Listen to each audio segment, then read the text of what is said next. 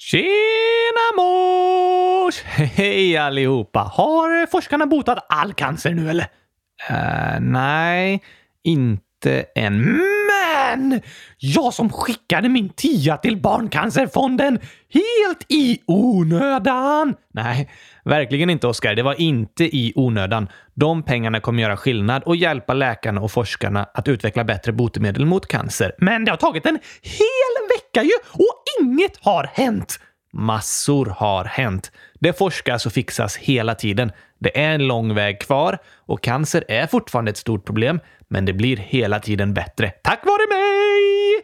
Ja, du har absolut varit med och bidragit, men många andra människor också. Vi måste hjälpas åt. Just det! Men kan du sätta på den här intervjun någon gång eller? Absolut. Förra veckan hade vi ju del ett av intervjun med Ahmed. Det vet alla, Gabriel! Det kanske är någon som inte vet det. Vem då? Ja, kanske någon ny som lyssnar. Och om eh, du inte hört del 1 av intervjun med Ahmed så vill jag verkligen tipsa om att eh, du lyssnar på den. Det är alltså förra avsnittet av Kylskåpsradion 100 032. Just det, men nu kommer eh, 100 033!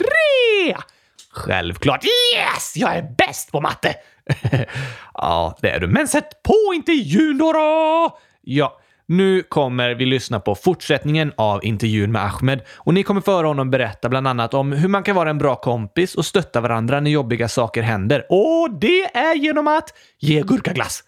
Det skulle det kunna vara, fast det handlar inte så mycket om att köpa eller göra särskilda grejer. Det handlar om att shh, låt Ahmed berätta! Okej okay då. Åh, nu blir det spännande. Alla bara va, va, va, va, handlar om? Kanske det, ja. Men du Gabriel, intervjun är ju förra veckan och då sa vi äntligen måndag och äntligen avsnitt 100 032 och sådär. Just det, men vi kan ju inte sätta på intervjun och ta det en gång till, för det är inte avsnitt 100 032 längre. Sant. Du får väl hälsa välkommen och sådär innan introingen idag då? Nej. Jo, så kan man ju inte göra. Det går jättebra, fast jag säger det alltid efter introjingen är klar. Det brukar du göra, ja, för det är rätt. Nah, det finns ingen regel som säger det. Inte? Nej, jag trodde det stod i lagen. Trodde du det stod i lagen? Om när du ska säga välkommen till kylskåpsradion?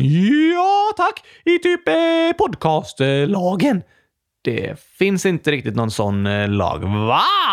Så jag får säga äntligen måndag när jag vill i avsnittet? Ja, fast eh, det är ju bra att hälsa välkommen liksom någon gång i början av avsnittet. Det har du rätt i. Men eh, du kan säga det nu. Bara för att man brukar göra på ett visst sätt betyder det inte att man alltid måste göra så. Men ibland kanske man nästan tänker att det som är vanligt att göra är så man ska göra det. Men det är inte sant. Så jag kan säga äntligen måndag nu! Just det, då ska jag göra det. Absolut, kör du. Eh, ja, vad var det jag skulle säga? Äntligen måndag. Ja, ja, ja, just det. Nu tar jag och säger äntligen måndag då. Ja, nu har du redan sagt det ganska många gånger, men inte på riktigt. Jo, eller äntligen måndag! Så, och äntligen avsnitt 33. Avsnitt 100 033, Gabriel! Avsnitt 100 033 av Kylskåpsradion! Välkomna, så brukar inte du säga. Nej, men eh, det sa jag idag. Vilket bushumör vi är på idag alltså, Gabriel! Extremt busigt. Men nu kommer del två av intervjun med Ahmed. Äntligen!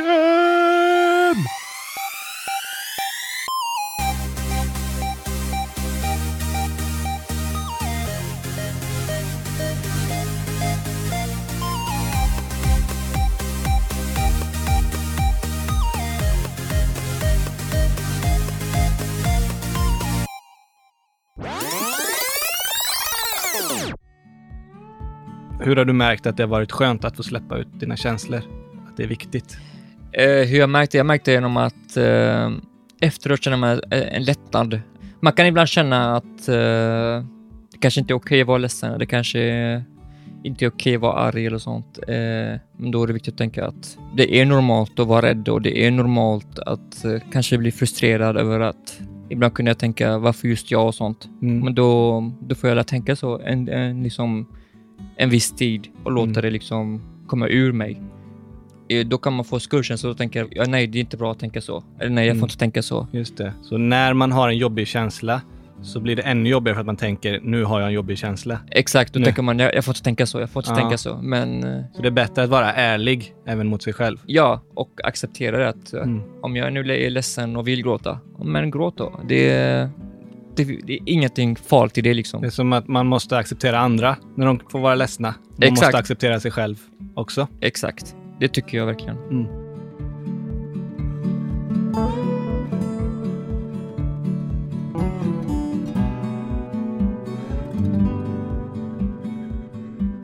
Det var väldigt fint att du ville berätta. Ja, det, Det tycker vi verkligen. Jag vill gärna dela om av mina erfarenheter som vi snackade om Ja. och eh, så andra kan eh, få höra lite. Vi har faktiskt en fråga här från Meja, 7 år, eh, som undrar varför jobbar Ahmed med cancer? Det är faktiskt eh, väldigt enkelt. Det är för att jag vill hjälpa andra.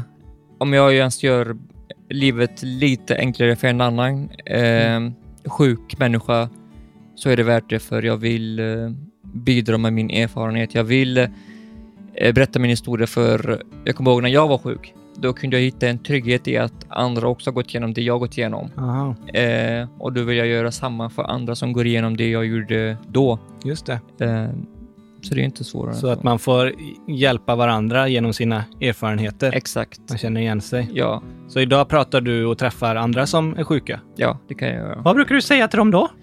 Att eh, det finns bättre tider. Alltså det är Mm. att eh, alltid blicka framåt ehm, och tänka på vad man ska göra när man blir frisk. Ehm, och att du är inte ensam i detta. Det finns andra som har gått igenom det och eh, det finns hjälp och vi kan liksom om du vill få hjälp, om du vill ha hjälp så kan du få det liksom. Att det finns folk som faktiskt finns här för dig. Och det är viktigt att de får veta det. Så även om det är liksom en jobbig sjukdom, om man pratar om mediciner och sådär, så är det viktigt att känna att man inte är ensam. Ja, Bara det är en viktig grej. Man kan känna sig väldigt ensam när man får reda på att man har cancer. För, Gjorde du det? Ja, jag gjorde det. Varför Eh, känner du dig ensam? för det är så ovanlig sjukdom. Eh. Speciellt när man får en sjukdom som så ung, Mm. som är så här, en sjukdom som enligt läkarna oftast är gamla, gamla människor som får. Och så får en 25-åring det plötsligt. Mm. Då känner man sig väldigt ensam. Mm. Eh, och det var där Ung Cancer kom in att... Eh, Just det, den organisationen. exakt. Att andra som är unga och är drabbade inte ska vara ensamma. Så exakt. man får hjälpa varandra. Varför är det bra? Man hjälper inte, man får inte mediciner eller sånt. Eh, Men det är bra för hjärnan att eh, man eh, tänker att det finns andra som har gått igenom det jag har gått igenom Mm. och att eh, vi kan hjälpas åt allihopa. Eh, och det får man en trygghet av. Man, får, man mår bra av det. Eh, inte att de har gått igenom det också, men Mm. utan att man inte är ensam. Så när man blir sjuk så handlar det inte bara om hur sjukdomen är, utan det kan vara mycket annat som är jobbigt. Väldigt mycket socialt, alltså psykiskt, väldigt mycket. Vad, vad tyckte du där? Liksom, vad, var, vad var jobbigast för dig med att bli sjuk? Att se mina nära och kära lida. För att eh, det var inte bara jag som fick cancer. Var de ledsna? De var väldigt ledsna. De var Ja. ju till och med mer ledsna än mig, eh, mina nära och kära. Oj! Och det är därför viktigt också så att, att familjen, nära och kära är så viktigt för Mm. en när man blir sjuk. Eh, Just då var jag tillsammans med en eh, som var min sambo Mm. och eh, hon hjälpte mig absolut väldigt, väldigt mycket. Hon var ju liksom min assisterande kan man säga. Eh, hjälpte mig ta på mig mina kläder och så dusch, Oj. alltså, tvättade mig, Ja. lagade mat, eh, Så städade. du klarade inte dig själv? Nej, man blir väldigt svag av det och det var, Ja. viktigt, det var väldigt, väldigt snällt av henne att hon hjälpte mig genom tiden i mitt liv. Så du hade inte klarat eh, att vara helt själv? Hade- för jag hade ju opererat axeln också Ja. och eh, då var jag ju liksom, eh, hur ska man nu säga, jag hade inte, jag kunde inte ta på mig kläder, jag kunde inte duscha för min arm var ju oduglig. Och då var det bra att ha sin familj och eh, den man bodde med hjälpte Mm. mig. Och min familj också, mina föräldrar. Alltid var där. Det var ju skönt. Ja, det är jätteskönt. Det är väldigt skönt. Men du pratade om att det, du kände en väldig ensamhet först när du Ja. blev sjuk. Ja. Var, var kom den ifrån? det är inte ensamhet att man inte har vänner och sånt. Det är mer ensamhet i sjukdomen. Att man är ensam om, att vara med. Om Ensam det. om de känslorna. Exakt. De har inte samma känslor. De kan, Nej. även om folk säger att de förstår, så förstår de inte riktigt. För de har inte varit med om det. Men vad kan man göra då? Dina kompisar och familj så där, som inte eh, förstod dig Och andra som lyssnar som kanske känner människor som varit med om jobbiga saker eller med om sjukdomar. Vad kan man göra då? Eh, Man, för man förstår ju inte helt. Mm. Men vad, vad kan man göra som kompis? Eh, Lyssna. Eh, även om du eh, inte vet vad du ska göra och hur du ska hantera det, så kan du bara vara och lyssna på Så man behöver inte kunna säger. massa och vara expert. Verkligen inte. Eh, du, behöver inte. du kan bara vara, eh, göra, vara enkelt genom bara fråga hur mår du och bara lyssna. För det behöver inte vara svårare än så. Hade du människor som frågade dig det? Ja, det var, det var därför jag är väldigt tacksam för mina nära och kära. Att Ja. jag hade folk som lyssnade. Jag hade folk som var där för mig när jag behövde det. För det är väldigt viktigt att man har det. Finns det andra tips eh, vad man kan göra om man känner någon som kanske är sjuk i cancer eller någon annan sjukdom? Som kompis så kan man göra väldigt enkla grejer. Om du är rädd liksom för att eh, göra bort dig eller någonting, så kan det ju vara något enkelt som att smsa och bara fråga hur Just de det. mår. Mm. Alltså, minsta uppskattning är alltid bra. Bara visa att man finns där. Visa att man finns där, Mm. ja. Och eh, folk kan ofta komplicera till det och tro att de behöver göra väldigt mycket för Mm. att finnas där. Det är inte alls så, det stämmer inte. Man kan göra väldigt mycket genom bara att fråga hur en person mår och bara vara Just där det. för en. Så det handlar inte så mycket om vad man gör utan att man gör någonting. Att man är någonting, att det man... behöver inte vara att man ska köpa en, en dyr present, utan nej, nej, man kan nej. Eh, känna att Ens närvaro kan sms. göra väldigt Ja. mycket. Bara att vara Mm. där kan göra väldigt mycket också. Eh, även om inte du vet vad du ska säga. Du behöver inte säga något. Du kan bara lyssna och du Ja. kan bara vara där med din närvaro, både fysiskt och psykiskt. Det är det som betyder mest. Det betyder mest. Det, ska, det är mest värdefullt. Och det är inte så svårt. Det är inte väldigt svårt. Nej. nej. Det är det faktiskt inte.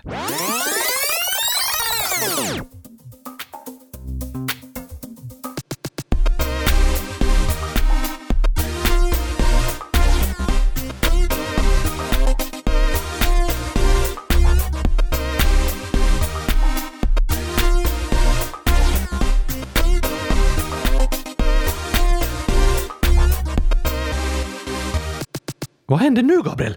Jag tänkte vi kunde ha eh, dagens ord. Ah, det var därför den musiken kom! Precis, jag tänkte chansat på det.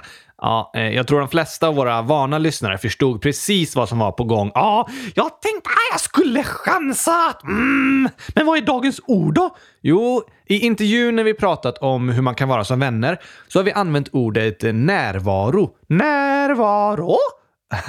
Ja, I intervjun, just det. Vet du vad närvaro betyder? Ja tack, det är sånt jag inte har i skolan. Inte? Eller eh, har i skolan, menar jag. Ja, du har närvaro. Ja, såklart. Fast om man inte är där, då kallas det rånvaro. Som att någon har snott den därifrån. inte rånvaro. Frånvaro. Ah, för att någon har snott den från skolan. Ja, eh, det betyder att man inte är där, att man är frånvarande. Just det, man kanske är iväg och köper gurkaglass. Du är väl inte iväg och köper gurkaglass på skoltid, Oskar? Eh, nej. För det får du inte. Ja. Ja. Jag menar nej. Det får man inte. Brukar du göra det? Ja. Du? Nej. Okej. Gör inte det? Ja. Eh, nej, ah, ja. Närvaro betyder att man är närvarande. Ja, men när? Nu. Nu! Precis nu! Precis den här sekunden! Nej, eh, alltså nu. Nu? Men du sa ju förut, för några sekunder sedan! Oskar, vad som är nu ändras hela tiden. Nej, nu är nu. Ja, men sen blir nu då. Och då blir det ett nytt nu. Ah, det här var krångligaste dagens ord hittills. Kanske det. I alla fall betyder närvaro att man är nära i nuet. Man varo när. Närvaro. Nära skolan. Precis utanför liksom. Nej, i skolan. Ah, nära läraren. Så de som sitter längst fram i klassrummet har högre närvaro än de som sitter längst bak. Taskigt! Nej, Oskar. Alla som är i klassrummet är närvarande. Om de inte sover. Det, är sant. Om någon somnat är den personen där ju och kroppen, men hjärnan är liksom någon annanstans. Flyttar någon på ens hjärna när man somnar? Nej, jag menar ens eh, tankar. Liksom. Man kan sitta i klassrummet men ändå knappt vara närvarande för att man tänker på massa annat och är ofokuserad. Jag fattar! Men när vi i intervjun pratade om hur man kan vara som vänner så pratade vi om att bara närvaro är det viktigaste. Så en bra vän har hög närvaro i skolan. Närvaro har inte bara med skolan att göra. Det handlar om att vara närvarande. Det kan vara olika platser, nära en kompis. Ja, till exempel, då liksom kramas man eller sitter jätte, jättenära varandra, typ trycker bara ah! Var det det Ahmed sa var viktigt? Nej. Ah! Det här är omöjligt! Krångligaste i världen det här ordet ju! ja, det kan man tycka. Ahmed menade att om man till exempel känner någon som är sjuk eller med om jobbiga saker så kan man ibland känna att man inte vet hur man ska kunna hjälpa till som kompis. Och då tänker man, oh, jag kan inte göra så mycket. Men det viktigaste är inte vad man gör. Man behöver inte kunna lösa problemet eller eh, ha råd med massa fina tröstpresenter eller någonting. Det viktigaste är bara ens närvaro som vän. Att finnas där. Ah, nära personen. Ja, i samma rum liksom. Det måste inte vara i samma rum. Man kan eh, vara närvarande via chatt eller telefon. Funkar det? Ja, det gör det. Ah, det ska jag säga till min lärare! Jag bara, jag ligger hemma i soffan, finns på chatten! Ja, I skolan måste man vara på plats för att det ska räknas som närvaro. Nej, typiskt! Men som vän kan man vara närvarande på olika sätt. Det handlar om att visa att man finns där, att man hör av sig, frågar hur det är, bara försöker umgås som vanligt, snackar om saker som man brukar prata om, som gurkaglass och kylskåp. Ja, men Gabriel, tänk om man brukar spela fotboll tillsammans och så har en kompis brutit benet. Då kan ju inte den vara med och man kan inte umgås som vanligt och vara närvarande och sådär. Nej, du har rätt. Det kan kännas väldigt ensamt om man bryter benet och inte kan leka på samma sätt som tidigare. Men då får den personens vänner försöka hitta andra sätt att umgås och finnas där för den som har skadat sig. Hur då? Man kanske kan eh, kolla på fotboll tillsammans istället för att spela det. Ja, ah, det går även när man brutit benet. Eller hur? Eller göra något helt annat. Snacka, spela spel, skoja med olika grejer och sådär. Det går inte för vännerna att laga benet. Nej, det är klart. Men det går för vännerna att finnas där för den som har det jobbigt, vara närvarande, höra av sig, visa att även om den som skadat sig känner sig ensam och inte kan vara med på fotbollen så finns vännerna ändå kvar. Det är ju superskönt att veta!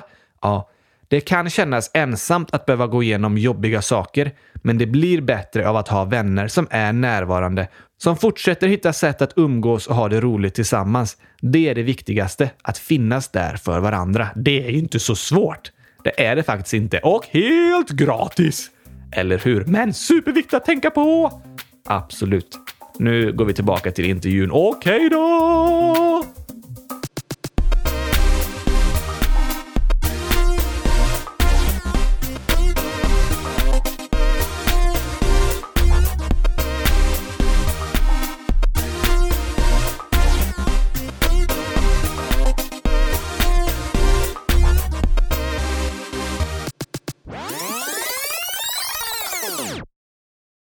Vi har en ganska klurig fråga här från Hugo Mm. som undrar hur stor chans är det att överleva om man får lungcancer, skala 1 till 10? Lungcancer är väldigt knepigt för det är en väldigt svår eh, Mm. eh, cancersjukdom.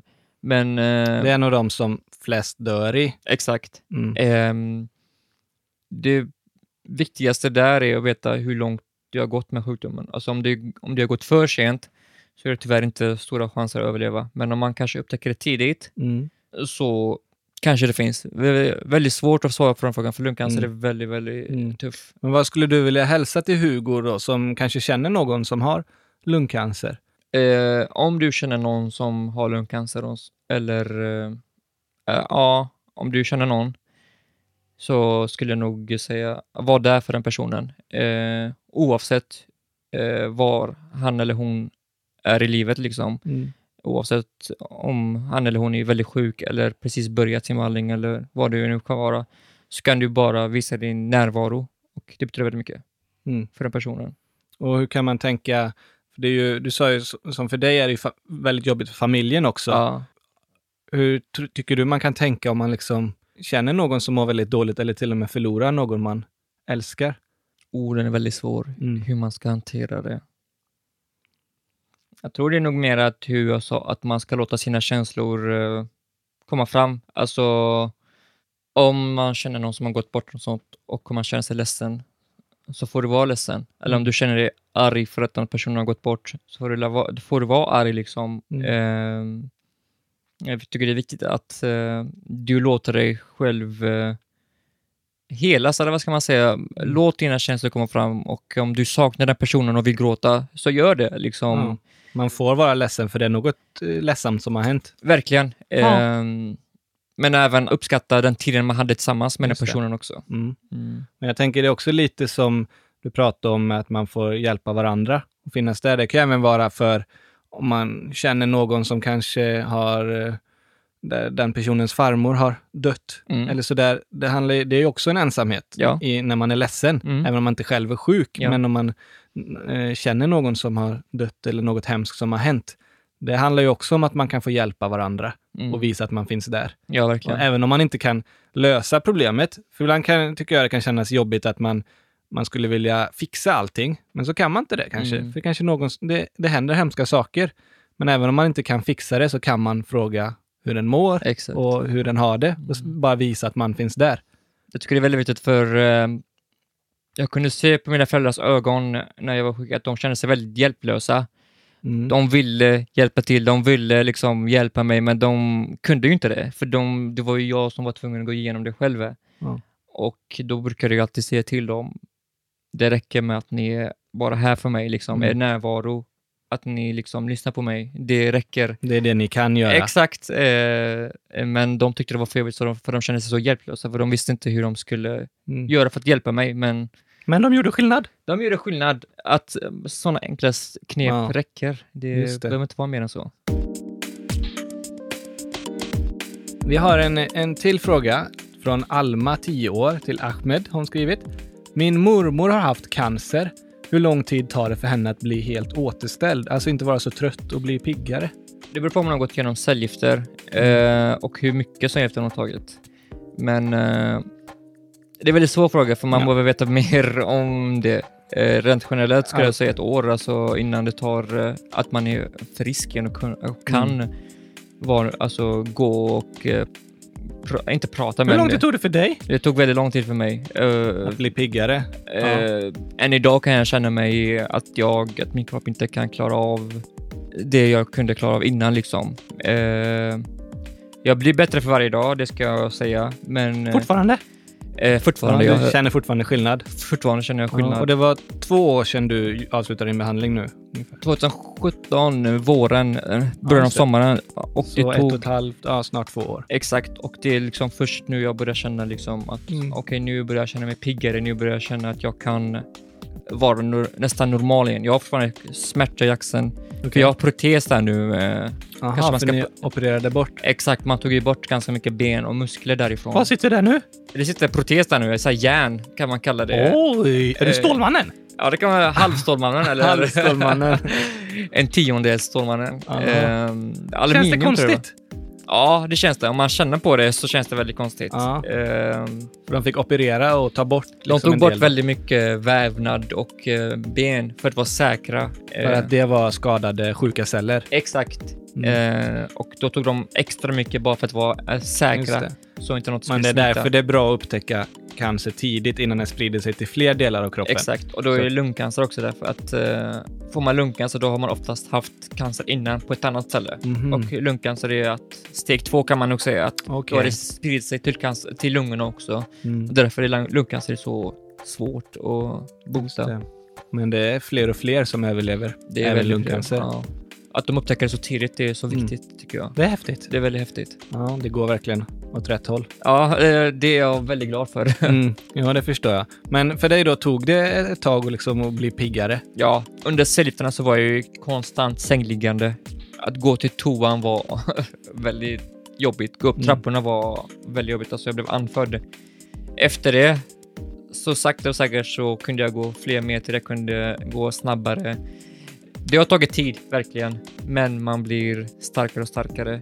Och som sagt, ett och ett halvt år sedan nu, jag, tog, jag blev klar med mina cellgifter och det, det är nu jag börjar känna mig normal, om man säger Mm. så. Men det har blivit bättre och bättre hela tiden. Det blir det verkligen. Mm. Och det handlar om att man tränar och äter rätt och lyssnar på sin kropp. Så du behöver ta hand om kroppen noggrant. Ja. Innan man blev sjuk så kunde man, eh, om man känner sig trött, då, liksom ignorerar man det på något sätt. Aha. Nu är det väldigt viktigt, om jag känner mig trött, då, okay, då är jag trött. Då, då, då är det okej att vila. Liksom, om jag vill sova, då är det okej om jag, att jag Du ska behöver sova. vara lite noggrannare. Lyssna på sin kropp helt enkelt eh, och Mhm. känna vad den, Om kroppen pratar. om kroppen pratar. Den, kroppen, jag, tycker att kroppen pratar genom ens eh, inre Ja, och, det det, och om man lyssnar så kan man höra Har du det. tränat på det? Ja, väldigt mycket. Ja, Det har varit väldigt svårt, men eh, jag har blivit bara bättre och bättre på det. just det. Och det är något man får träna på. Att liksom mm, lyssna på sin kropp, hur man faktiskt mår. Ja, exakt. Om man är trött så är man ofta det av en anledning. Exakt. Och kanske man behöver sova mer. Oftast har det ju en anledning och det är för att man ignorerat sina kroppssignaler. Och speciellt när man är sjuk, då är det väldigt viktigt att man lyssnar på vad Mm. kroppen säger. Det är bra. Jag ska träna på det. Det tycker jag du ska göra. Jag vet inte hur det funkar för dockor. Äntligen måndag! Vad håller du på med, Oskar? Du sa att jag fick säga det när jag vill i programmet. Ja, eh, det är sant. Men du behöver kanske inte avbryta mitt i intervjun med Ahmed. Det har du nog rätt i. Jag ville bara kolla om det gick. Ja, det gick eh, väldigt bra, även om det inte var så snällt. Ja, ja, ja, det var inte så snällt gjort kanske. Förlåt Ahmed, men Gabriel, kan vi inte ta dagens skämt innan vi går vidare? Jo, det kan vi göra. Yes!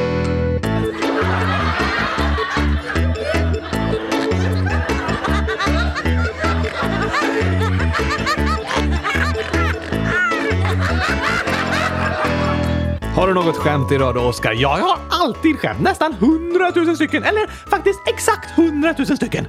Exakt hundratusen stycken.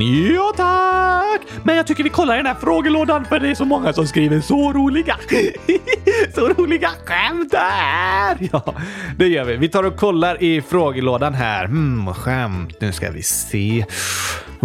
Åh, du, här har vi ett bra. Är det roligt? Ja, det är klart det är roligt. Yes, jag älskar roliga skämt. Det är inte så kul med tråkiga skämt. Det är klart det inte är kul om det är ett tråkigt skämt. Nej, eh, det har du rätt i. Men här är ett superroligt skämt från Noah, 7 år. Kom igen då! Det är som en gåta. Oh, med ett roligt svar. Ja, det är ett roligt skämt har jag sagt. Yes, yes, yes, yes, yes! Säg det då någon gång, Gabriel. Skynda dig! Ja. Det är du som snackar hela tiden. Nej, skyll inte ifrån dig. Kom igen bara. Ja, här kommer skämtet från Noah. Skynda! Vad är en trepucklad kamel? Mm, svår att rida på. Ja, en trepucklad kamel kanske är svår att rida på. Ja, jag visste det! Ja, ehm, de är speciellt svåra att rida på för att de inte finns. Va? Finns det inte trepucklade kameler? Nej, varför är det skämtet så då? Jo, men en kamel har två pucklar. Spelar en ishockey? Va? Ja, med puckar. N- nej, pucklar. Aha! Vad är det? Men det är såna där eh, på ryggen. En kamel ser ju ut som en häst fast har så pucklar på ryggen. Just det, det har jag sett. Och den har två stycken. Men om det är en kamel som har tre pucklar, vad är den då? Uh, tokig? Ja, absolut. Åh, jag vet inte. Okej, här kommer svaret från Noah. Vad är en trepucklad kamel? Gravid. Oj, oj, oj, den är gravid! Alltså har den en kamel i magen med två pucklar till. Då blir det två plus två, tre pucklar. Alltså, två plus två blir fyra. Nej! Jo, två plus två blir fyra. Va? Men då är det ju fyra pucklar. Nej, alltså, den har ju tre pucklar. Nej, den har två på ryggen och två i magen. Ja, fast eh, kamelen är gravid och då så sticker ju magen ut som en puckel menar Noah tror jag. Så då är det en trepucklad kamel. Två pucklar där uppe och så en mage som sticker ut också. Va? Ja, fast det är två pucklar i magen också. Ja, så då blir det två pucklar på ryggen och en som mage och två i magen. Det blir fem pucklar. Eh, ja, det kanske det blir. Det här blir bara roligare och roligare. ja, det blir det. Det var ett väldigt fyndigt skämt i alla fall, Noah. Ja, tack! Vad är en trepucklad gravid? Eller jag menar eh, kamel. Eller jag menar... Eh... Vad menar jag? Du menar Kamel. Ja, just det. Jag menar trepucklad kamel. Den är gravid. Eller så har den fem pucklar eller hundratusen. Det är ingen som vet riktigt. Nej, tack för skämtet Noah. Skriv era bästa skämt i frågelådan så tar vi ett nytt nästa vecka. Ja, tack! Nu går vi tillbaka till intervjun med Ahmed. Oj, oj, oj, superspännande!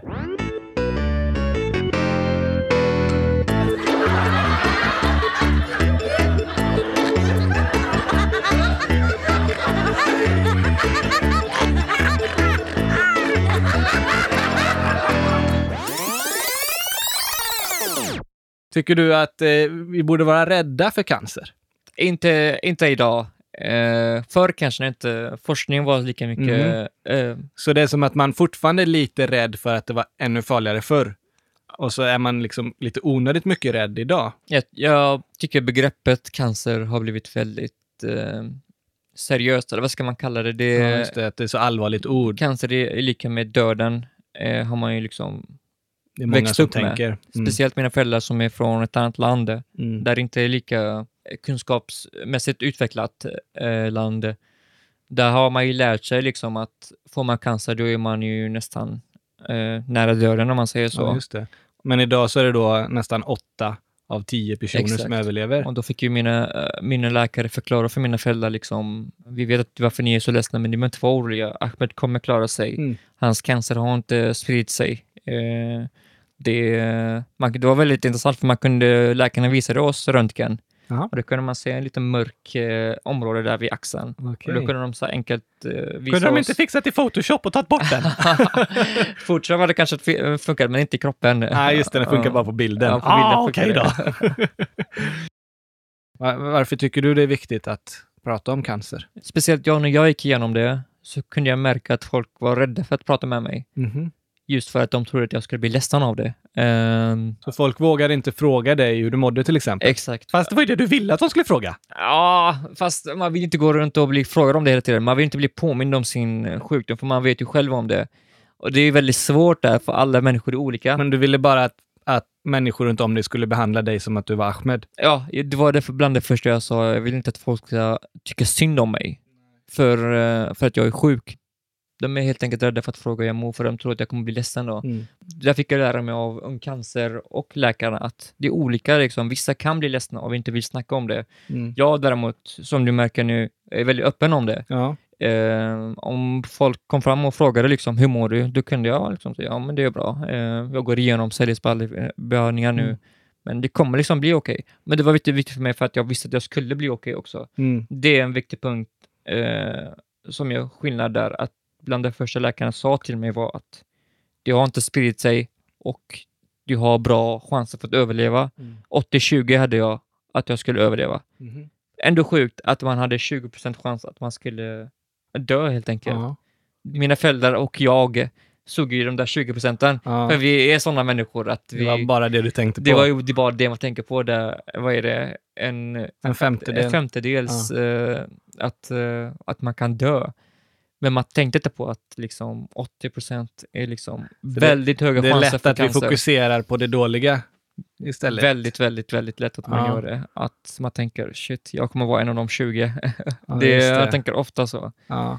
Men eh, man kan även se för läk- läkarna hur de snackar med en och sånt och de var väldigt positiva när de snackade med mig. Det var liksom självklart för dem att jag skulle klara mig. Och det var, därför var det okej för mig att snacka om det. Mm. Men jag ville inte att folk skulle gå runt och tycka synd om mig. Det är som du, du pratade om när du pratade om att tappa hår och sådär. Mm. Att eh, du var rädd att människor skulle tycka, tänka att du var någon annan. Eller du var inte dig själv. Liksom. Exakt. Men att det du egentligen ville var att man skulle inse att du Jag var var fortfarande... normal Ja, du var, vanligt. du var Ahmed. Ja. Som du var dig själv. Du såg annorlunda ut på grund av medicinen. Så det kan man ju tänka på alla som lyssnar att när man har människor som kanske eh, är med om sjukdomar eller jobbiga saker så är det väldigt viktigt att man bara får vara där för dem, som vanligt, som vänner. Ja. För det är fortfarande samma personer, även om något hemskt har hänt. Mm. Och man behöver varandra. För eh, när mina vänner var där eller när min familj var där eller min före detta sambo och sånt, då var det viktigaste var att inte snacka om cancer, utan Mm. att snacka om andra grejer, normala grejer. Ja. Och mina vänner där... Prata om snack- fotboll. Exakt, jag har exakt det att säga. Då snackade vi om fotboll. Att snacka om vardagen som att allting är normalt. För att- allting var normalt för mig. Liksom. Allt i livet skulle inte handla om sjukdomen och det Exakt. som var fel. Då var alltid noga med att pe- påpeka det. Liksom, eh, vi snackar inte om det, vi snackar liksom om det som har hänt, Ja. liksom världen, politiken. Ja, så att ni vill umgås som, vanligt Exakt. och inte bara fokusera på det dåliga. Ja, kom det nya uppgifter om min sjukdom kunde vi Ja. snacka om det. Liksom. Men uh, ofta så, det, så vill jag bara att vi ska snacka om vanliga, eh, allmänna, vardagliga grejer. Så det var det du behövde Exakt. då, att få, att få umgås med dina vänner. Man vill ju känna sig normal och snacka om normala grejer. Man Mm. vill ju inte gå runt och tänka på att man har cancer hela tiden. Nej. Mm. Det är viktigt. det är jätteviktigt.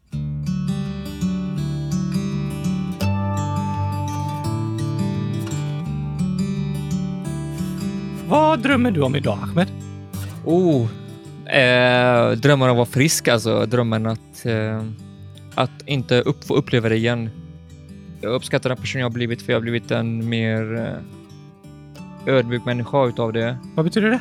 Att man har blivit mer eh, snäll eller mer... Eh, man lyssnar mer och mer hjälpsam om man säger så. Ehm, och det tycker jag är viktigt för det är viktigt att hjälpa andra också. Som, som folk hjälpte mig vill jag hjälpa andra.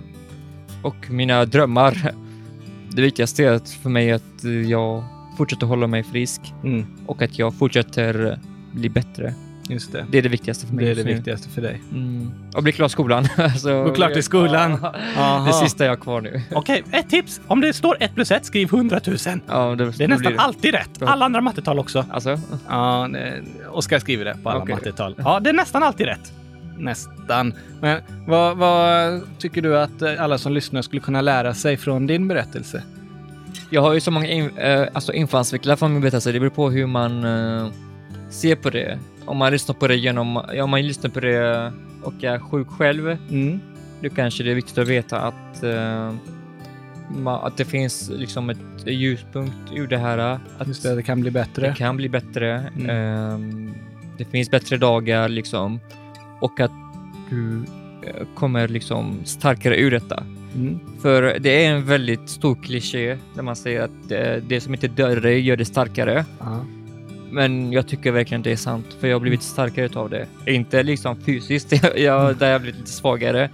Men eh, psykiskt har jag blivit starkare. Ja. Så till de som själva kanske är sjuka, vill du säga att det, det kan bli bättre? Och Det det kan bli hopp? bättre och du kan bli starkare utav det. Och Vad kan man lära sig om, eh, om vänskap och, och att vara kompisar, som från din, din berättelse?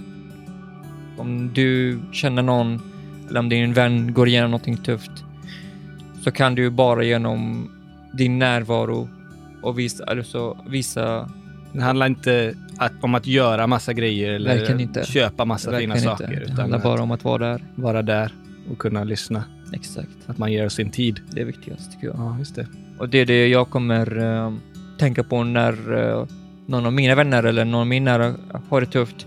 Mm. Då kommer jag, då, då har jag det erfarenheten att jag vet att den personen kommer inte vilja ha någonting extra och sånt. Den Nej. kommer bara vilja ha eh, Att du finns sin där. närvaro, att jag finns där helt enkelt. Mm. Mm, Du har lärt dig att det är det som räknas. Det är det Att det viktigaste. inte är något liksom man behöver göra massa extra. verkligen inte. Nej. Det är ju bra att lära Det är sig. väldigt, bra. Och väldigt enkelt också. Väldigt det är enkelt. inte svårt. Har du någon sista hälsning till alla lyssnare?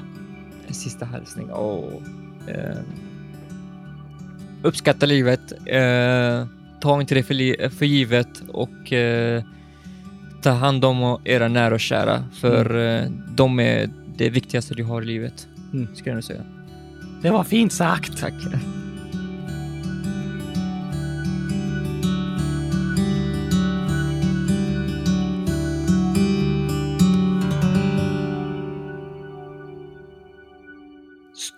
Stort, tack till dig Ahmed att du ville vara med i Kylskåpsradion. Ja, tack! Är det slut nu?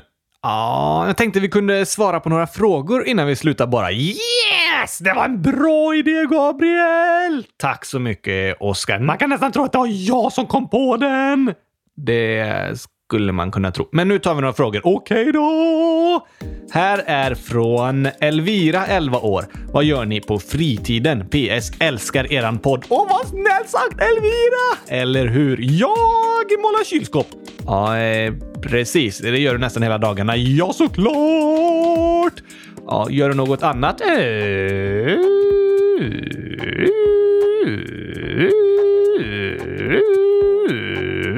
låter det så när du tänker?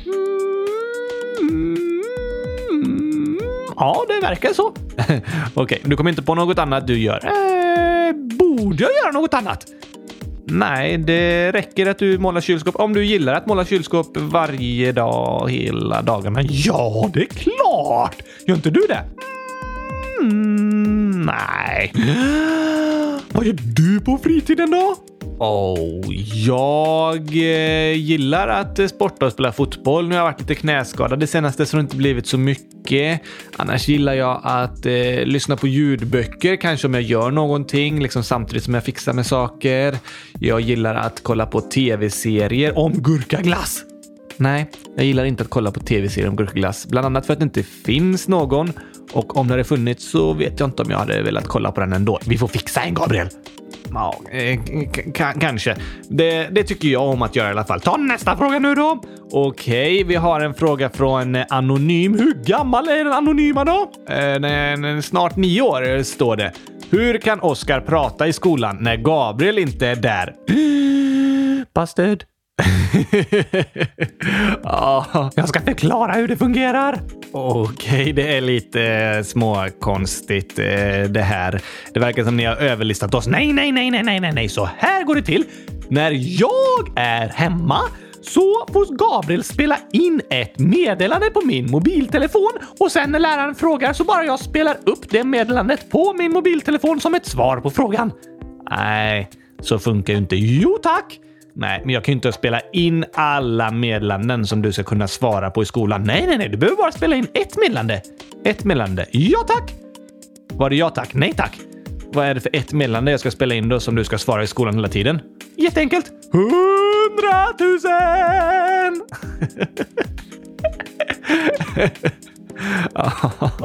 Det är därför jag svarar 100 000 på varje fråga. För det är det enda jag kan svara i skolan. Jag har ju inte dig med mig, så jag kan ju bara spela upp det som finns på mobiltelefonen. ja, eh, det var finurligt, Oskar. Ja, tack! Vi kanske kunde spela in ja tack också, så kan jag ha det. Och eh, nej tack. Och kanske typ eh, gurkaglass. Och eh, nej, jag vill inte vara med på fotboll för jag är rädd att tappa benet. Och eh, får jag måla kylskåp nu? Och eh, nu har jag målat 100 000 kylskåp. Och vi får nog jobba mycket med det här, Gabriel. Ja, eh, men, ja, vi har väldigt smarta lyssnare märker man som förstår att du inte kan prata när jag inte är med och de här frågorna är svåra att svara på. Jag hade ju världens bästa svar. Mm, ja, det var ett ganska roligt svar. Ja, tack! Vi har en till fråga från en anonym. Är det en annan anonym? Um, det står också snart nio år, så jag tror det är samma anonym, men man vet ju inte. Nej. Vilken är din älsklingshäst, Oscar? PS. Gillar ni hästar? Jag gillar den där eh, trepucklade kamelen! det är ingen häst. Va? Det är en kamel. Ja, ah, det är sant. Det borde jag fattat. det, det, borde du nog fattat. Eh, har du någon älsklingshäst? Mm, nej. Har du ridit någon gång? Mm, nej.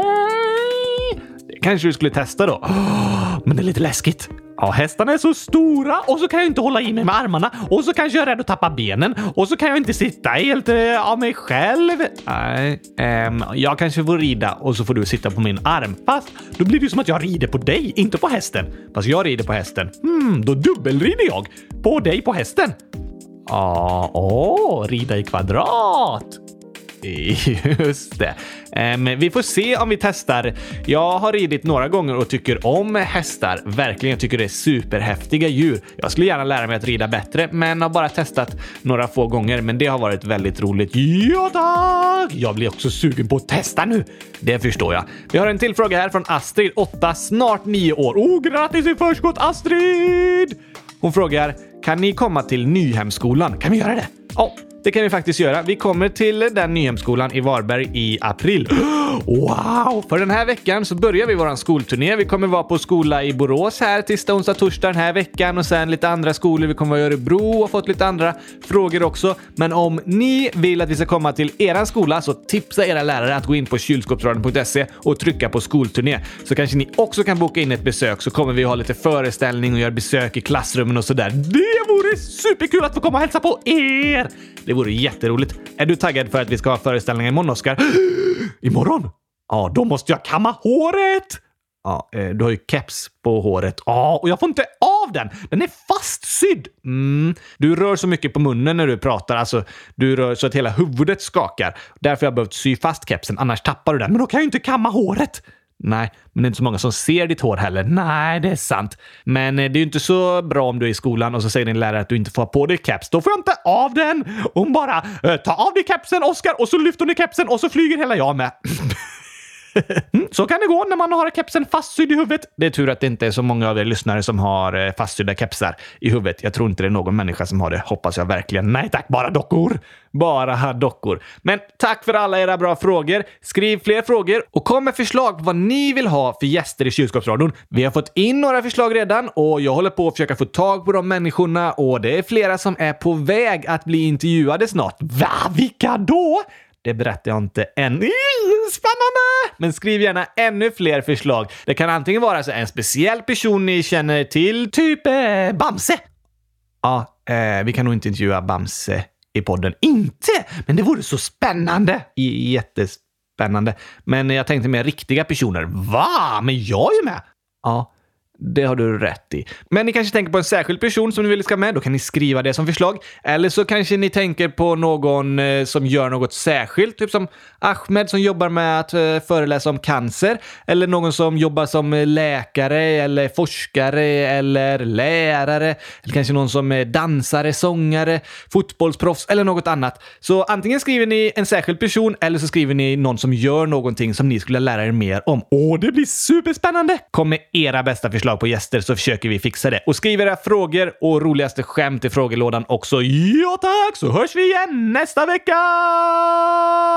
Det gör vi. Ha en superfin vecka allihopa. Tack och hej gurkapastej! Hej då!